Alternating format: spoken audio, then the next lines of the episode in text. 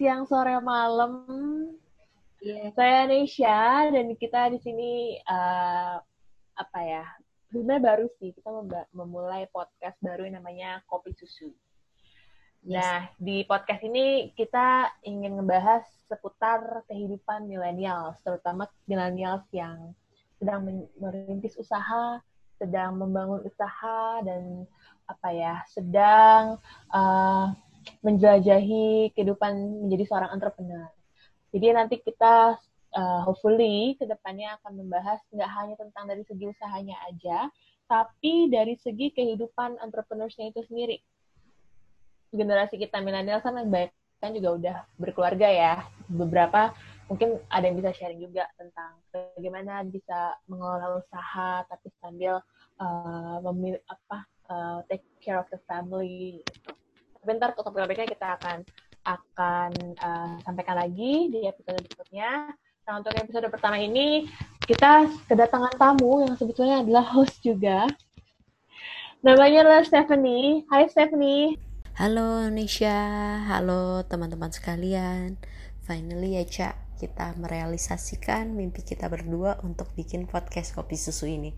So, buat teman-teman sekalian yang mendengarkan podcast ini, enjoy our podcast. Hai Steph, um, so Steph, kita langsung ya, kayak lo tuh kerjanya di mana sih Steph? Perusahaan lo apa? Jenis usaha, usaha lo tuh apa? Ya oke, okay. jadi saat ini gue bekerja sebagai marketing director di sebuah perusahaan creative agency di Jakarta, di mana awalnya perusahaan ini dibangun oleh suami gue sejak tahun 2009 dia bersama dengan partnernya membangun usaha ini dengan nama Cornea Image Production dengan menyediakan jasa foto dan video khususnya untuk corporate. Lalu di tahun 2014 berkembang dengan jasa produksi untuk material promosi above the line dan below the line.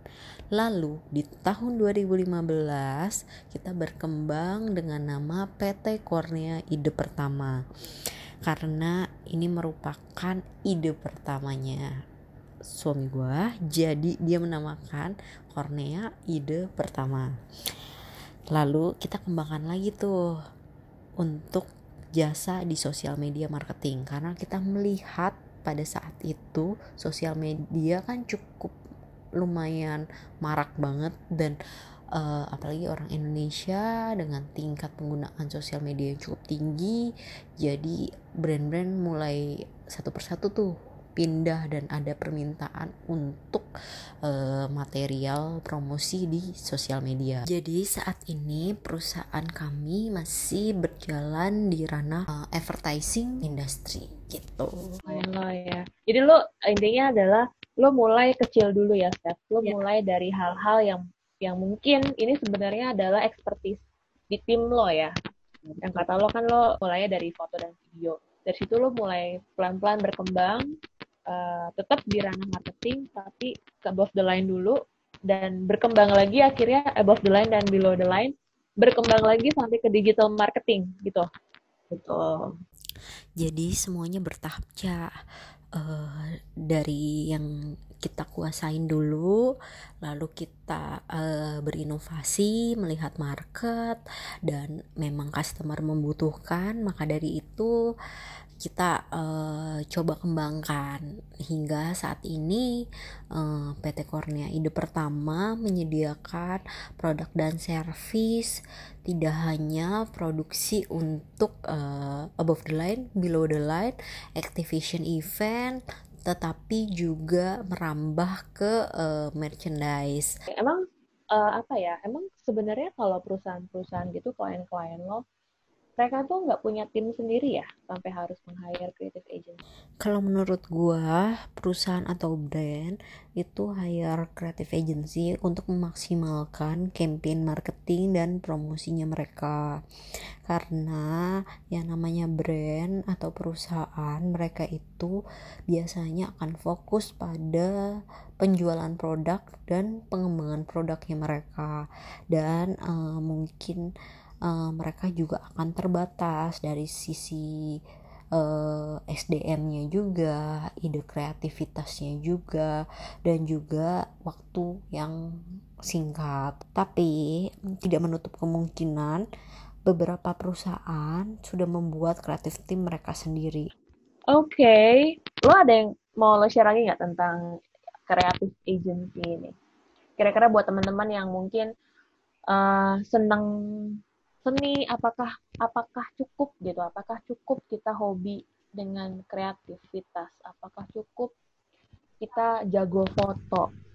Sebenarnya untuk mempunyai creative agency itu kayak gimana sih tuh apa uh, ups and downs and happy and sadnessnya yang real ya yang kadang kan kita kan ah gue mau ini ah gue kelar kuliah gue bikin agency sendiri aja apa semudah itu gitu kalau menurut gue semua orang punya kesempatan untuk membangun usaha.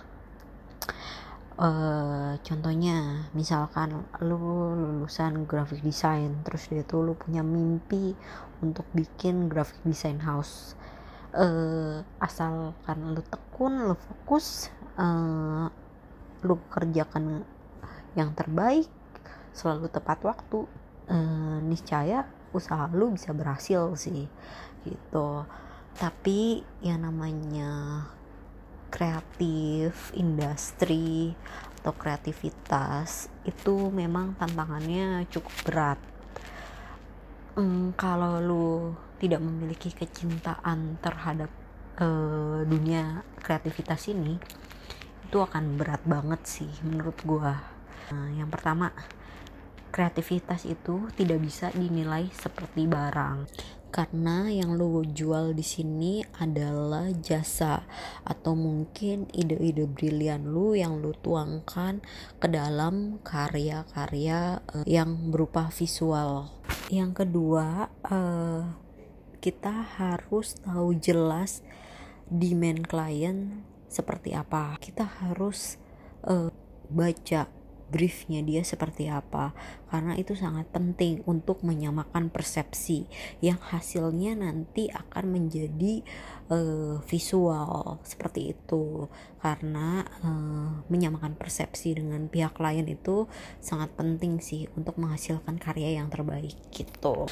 Yang ketiga lu harus punya uh, integritas. Jadi karya-karya lu harus jujur harus bertanggung jawab dan dapat diperhitungkan karena uh, menurut gua karya yang original itu uh, sangat penting sih untuk di industri kreatif ini. Yang keempat atau yang terakhir nih, uh, menurut gua lo harus bermental baja dan lu harus siap untuk yang namanya revisi, yang namanya karya yang menurut lu bagus kadang belum tentu menurut pihak klien itu bagus juga. Jadi lo harus menyiapkan solusi-solusi yang terbaik sampai karya lo itu selesai dan terdelivery kepada klien. Itu sih. Si Stephanie ini dia uh, kalau gue ulangin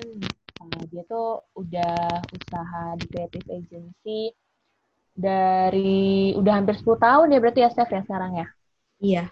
Dari 2009. Udah lama banget. Dari 2009 bahkan. Itu udah 11 tahun. Dan perjalanan dia tuh dari awal hanya foto dan video. Akhirnya ke above the line, terus below the line, terus akhirnya ke digital communication juga. Cuman uh, di sini Stephanie uh, mengemphasize bahwa dia tetap kenapa dia bisa survive selama 11 tahun ini karena dia tidak hanya uh, bergelut di bidang yang dia kuasai which is food tapi dia juga ngeliat tren. Ngeliat tren bahwa oh ternyata industrinya lagi berkembangnya di food nih. So she stick to to that and akhirnya tetap punya klien gitu. Nah tapi nih kelihatannya kan gampang ya ya uh, she's so lucky she can get in the right um, timing bisa timingnya pas segala macam tapi bener nggak sih segampang itu gitu loh buat uh, kalau dari pertanyaan lo uh, bangun usaha itu gampang atau enggak sih?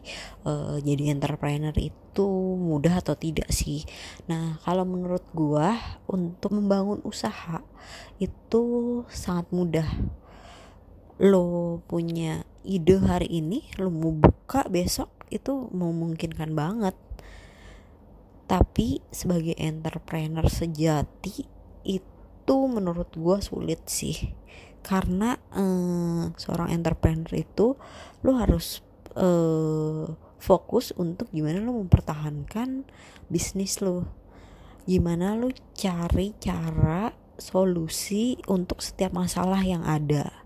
Kalau misalkan lo nggak kuat mental itu bisa aja sih uh, lo nyerah di tengah jalan ya udah lo tinggalin usaha lo itu sangat-sangat memungkinkan jadi yang gue tegaskan lagi sebagai entrepreneur yang paling penting adalah lu punya mental baja oke okay.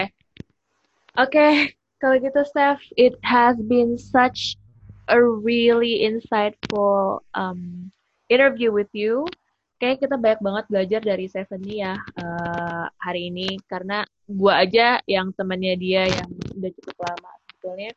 Kita nggak pernah ngobrol sedalam ini ya tentang usaha ya.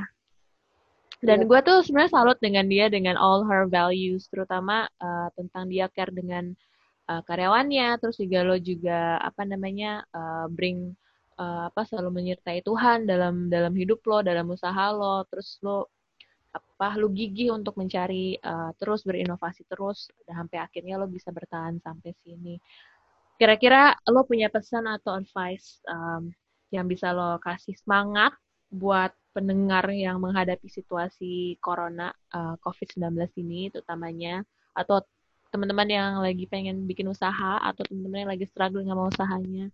Kira-kira lo ada pesan terakhir nggak buat mereka sebelum kita tutup podcast ini? Oke, pesan gue buat teman-teman sekalian yang memang uh, dalam kondisi pandemi ini, uh, menurut gue kalian yang penting uh, kalian tahu dulu deh uh, apa namanya kelebihan kalian tuh apa cari tahu dulu kelebihan kalian apa. Terus dia itu apa yang kalian bisa lakukan? Pertama menurut gue adalah kalian jualan lah. Apa yang kalian punya kalian jualan. Misalnya kalian jago masak deh ya kan? Ya kalian jualan. Kalian harus coba gitu. Harus berani sebenarnya. Ya kan? Who knows? Hmm. sekarang sosial media itu semuanya penuh dengan jualan. Jadi uh, jangan malu jangan takut untuk uh, kalian jualan gitu menurut gue jadi jadi yang penting jalanin dulu ya. Jalanin dulu aja, ya kan? Apa yang kalian bisa, kalian jual produk tersebut, tapi intinya adalah kalian harus kasih 100% ke dalam produk yang kalian hasilkan. Yang per, uh, selain apa namanya? kualitas produk, kalian juga harus jaga. Yang pertama jaga kebersihan. Misalnya kalau makanan, itu kan uh, apa namanya? sensitif banget sama yang namanya kebersihan dong sekarang. Nah, itu kalian harus benar-benar jaga banget. Karena okay. once kalian tidak menjaga itu semua, ya kan, itu akan menghancurkan produk kalian sendiri. Gitu sih. Wow, oke. Okay. Steph, thank you so much for your time. Kita akan ketemu lagi sama lo besok, uh, maksudnya di podcast berikutnya, karena lo yang akan interview. Gantian um, kita belum bisa umumin dulu kita udah punya sih tamunya siapa berikutnya tapi kita belum bisa umumin but stay tune karena kita akan uh, menghadirkan para entrepreneur-entrepreneur milenial lainnya di dalam podcast kita untuk mengulik beberapa cerita di seputar usahanya, tentang kehidupannya, tentang well a lot of things because as a human being kita bukan hanya dalam satu label entrepreneur aja. Dia pasti adalah seorang ibu, dia pasti ada seorang anak, dia uh, seorang ayah ya kalau yang laki-laki ya, uh, dan lain sebagainya. So this is what we're trying to get. We're trying to get more um, insights uh, sebagai pengusaha, tapi kita juga mencoba untuk memberikan uh, inspirasi semoga kepada teman-teman yang yang pengen menjadi usaha uh, pengusaha atau uh, pengen mengembangkan usahanya lebih besar lagi. So thank you everyone for listening. Stephanie, thank you. I'll see you in the next podcast. So, alright. Selamat pagi, siang, sore, malam semuanya.